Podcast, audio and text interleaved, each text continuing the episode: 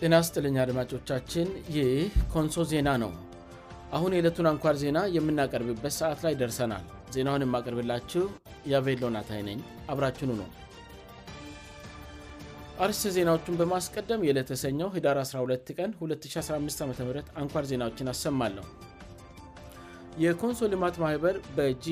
ከgይ g ባገኘው ድጋፍ በአማሮ ልዩ ወረዳ የተለያዩ የልማት ሥራዎችን መሥራቱን አስታወቀ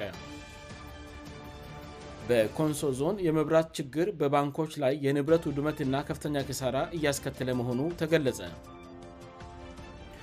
የግብፅና የቱርክ መሪዎች ከ10 ዓመታት ውጥረት በኋላ በዓለም ዋንጫ ተጨባበጡ አሁን ዜናውን በዝርዝር አሰማል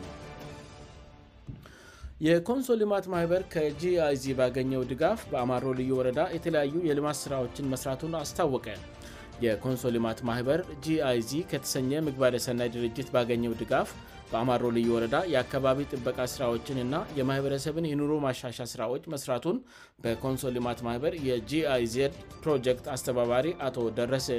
ጨና አስታወቁ እንደ ፕሮጀክት አስተባባሪው የመረጃ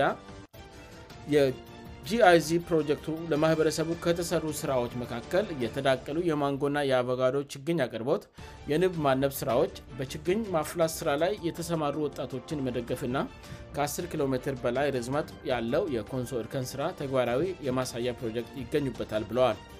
በተጨማሪም ለአካባቢ ጥበቃ ልማትና ሌሎች ጉዳዮች የሚሆኑ የውሃ ፓምፖች የውሃ ማጠራቀሚያ ሮቶዎች የተለያዩ የእርሻ መሣሪያዎች እና የተለያዩ የአታክልትና የፍራፍሬዘሮች ለኅብረሰቡ መሰራጨቱንና ለደን ልማት ሥራ ከ40 በላይ ችግኝ መዘጋጀቱን የፕሮጀክቱ አስተባባሪ ጨምረው ተናግረዋል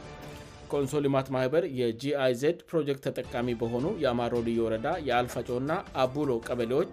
የተሻለ ሥራ ለሰሩ የgiz ተወካይ በተገኙበት የእውቅና ሽልማት መስጠቱንም አስታውቋል በእውቅናና ሽልማት መርሃ ግብሩ ላይ የተገኙት የፕሮጀክቱ ተጠቃሚ ቀበለ ነዋሪዎች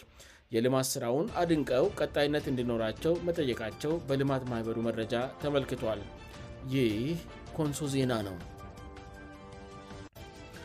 በኮንሶ ዞን የመብራት ችግር በባንኮች ላይ የንብረት ውድመትና ከፍተኛ ክሳራ እያስከተለ መሆኑ ተገለጸ በኮንሶ ዞን ከረጅም ጊዜ ጀምሮ እየተከሰተ ያለውና እስካአሁንም መፍትሄ ያልተበጀለት የመብራት መቆራረት የኃይል መዋጀቅ በባንኮች ላይ ከፍተኛ ክሳራ ማስከተሉን የካራት ከተማ ከንትባ አቶ ፍሬዘር ኮርባይዶ ለኮንሶ ዜና በሰጡት መረጃ አስታወቁ በኮንሶ ዞን የሚገኙ ሁሉም ባንኮች ከመብራት መቆራረት ጋር በተያዘ ለጀነሬተር የሚያወጡት የነዳጅ ወጪና በኃይል መዋጀቅ ምክንያት የተቃጠሉ ኮምፒተሮችና ሌሎች የሥራ መሣሪያዎች ዝርዝርና የደረሰው ክሳራ የገንዘብ ተመን ከባንኮቹ ለጽፈት ቤታቸው በደረሰው መሠረት ከፍተኛ መሆኑን ከንትባው ተናግረዋል ከንትባው ወደ ኃላፍነት በመጡበት ወቅት የመብራቱን ችግር ለመፍታት ከኢትዮጵያ መብራት ኃይል 40ምንጭ ዲስትሪክት ቅርንጫፍ መስሪያ ቤት ጋር ውይይት ማድረጋቸውን እና በዚያን ጊዜ በኮንሶ በተደጋጋሚ እየተከሰተ ያለው የኃይል መቆራረጥ መንስኤው መስመሩ ከከንባ መስመር ጋር በአንድነት መሆኑን ያስከትለው ሊሆን እንደሚችል እንደተገለጸላቸው አስታውሰዋል በዚያን ጊዜ ከዲስትሪክት ጋር በንበራቸው ውይይት በቅርቡ የኮንሶ መስመር ከከንባው በመለየት ለብቻው ማድረግ እንደ መፍትሄ እንደታሰበ ተስፋ እንደተገባላቸውም ተናግረዋል ይሁንና እስከአሁንም ድረስ መፍትሄ ባለማግኘቱ የኮንሶ የመብራት ችግር እንደቀጠለ ነው ብለዋል ከንትባው ይህ በእንድህ እንዳለ በመብራት መቆራረጥና ኃይል መዋጀግ ከፍተኛ ክሳራ እያስተናገዱ ካሉ ባንኮች አንዱ የሆነው የኢትዮጵያ ንግድ ባንክ የከራት ቅርንጫፍ ለመብራት ኃይል 4ጭ ዲስትሪክት ቅርንጫፍ ጽህፈት ቤት ጥቅምት 21 2015 ዓም በጻፈው ደብዳቤ ቅሬታውን መግለጹ ይታወሳል ይሁንና በኢትዮጵያ ንግድ ባንክ ቅርንጫፍ በኩል የቀረበው የቅሬታ ደብዳቤ በመብራት ኃይል 4ጭ ዲስትሪክት ጽህፈት ቤት ኃላፊዎች ዘንድ ተቀባይነት ያገኘ አይመስልም የኢትዮጵያ መብራት ኃይል 4ም ዲስትሪክት ቅርንጫፍ ጽህፈት ቤት ጥቅም 28 ቀን 2015 ዓም በጻፈው ደብዳቤ የቀረበው ቅሬታ የስም ማጥፋት ዘመቻና በአስቸኳይ መቆም ያለበት የኢትዮጵያ ንግድ ባንክ የካረጥ ቅርንጫፍም በአስቸኳይ ይቅርታ መጠየቅ አለበት ብለል አቶ ገረመው ወንድም ሁነኝ በተባሉ የዲስትሪክት ቅርንጫፍ ጽህፈት ቤት ኃላፊ ስም የወጣው ደብዳቤው ብዙ ስድብ መሰል ቃላቶች የታጨቁበት ደብዳቤ በማኅበራዊ ትስር ገጾች ላይ መነጋገሪያ መሆኑም ይታወቃል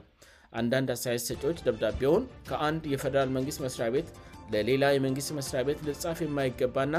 ኢትዮጵያዊ ጨዋነት የሚጎለው ከአንድ አገልግሎት ሰጪ የመንግሥት መስሪያ ቤት ሊወጣ የማይገባ ሲሉ ገልጸውታል ይህ ኮንሶ ዜና ነው የግብፅና የቱርክ መሪዎች ከአ0ር ዓመታት ውጥረት በኋላ በዓለም ዋንጫ ተጨባበጡ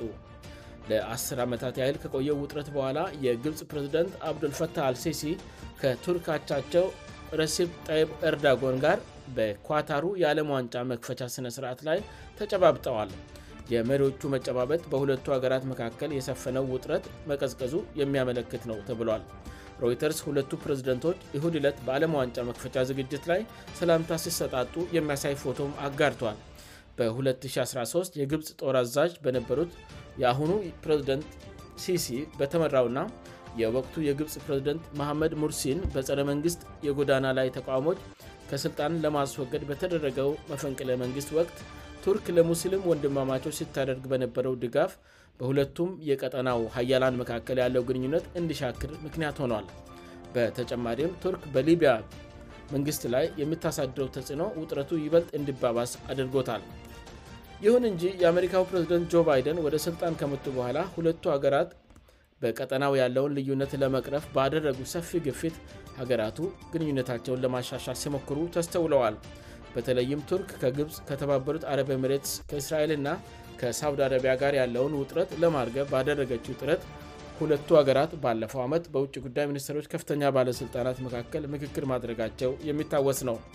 ምንም እንኳን ኤርዶጋን በሐምለ ወር ከፍተኛ ደረጃ ያለው ድርድር የማይካሄድበት ምንም ምክንያት እንደሌለ ብናገሩም የግብፅ ባለሥልጣናት ለማንኛውም መቀራረብ ጥንቃቄ እንደሚያደርጉ ሲደመጡ ቆይተዋል የግብፅ የውጭ ጉዳይ ሚኒስትር ሳሜህ ሹኩሪ ባለፈው ወር መገባደጃ ላይ እንደተናገሩት ቱርክ በሊቢያ የምትጫወተው ሚና እስካልለወጠች እንደገና የተጀመሩ መደበኛ ንግግሮች እንደሌሉና ሂደቶቹ በሰከንያኳሃን ማጤን እንደሚያስፈልግ መናገራቸው አይዘነጋም ይህ ኮንሶ ዜና ነው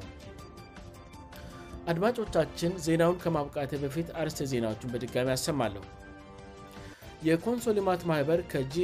ባገኘው ድጋፍ በአማሩ ልዩ ወረዳ የተለያዩ የልማት ሥራዎችን መሥራቱን አስታወቀ በኮንሶ ዞን የመብራት ችግር በባንኮች ላይ የንብረት ውድመትና ከፍተኛ ኪሳራ እያስከተለ መሆኑ ተገለጸ የግብፅና ቱርክ መሪዎች ከ10ር ዓመታት ውጥረት በኋላ በዓለም ዋንጫ ተጨባበጡ ዜናው በዚያ በቃ አድማጮቻችን የዕለቱ አንኳር ዜናዎቻችን ይህን ይመስኖ ነበር ስላዳመጣቸውን እናመሰግናለን ኮንሶ ዜና በቀጣይም በተመሳሳይ ዝግጅት እንደሚጠብቁ ተስፋ ያደርጋል እስከዚያው በደና ቆየነ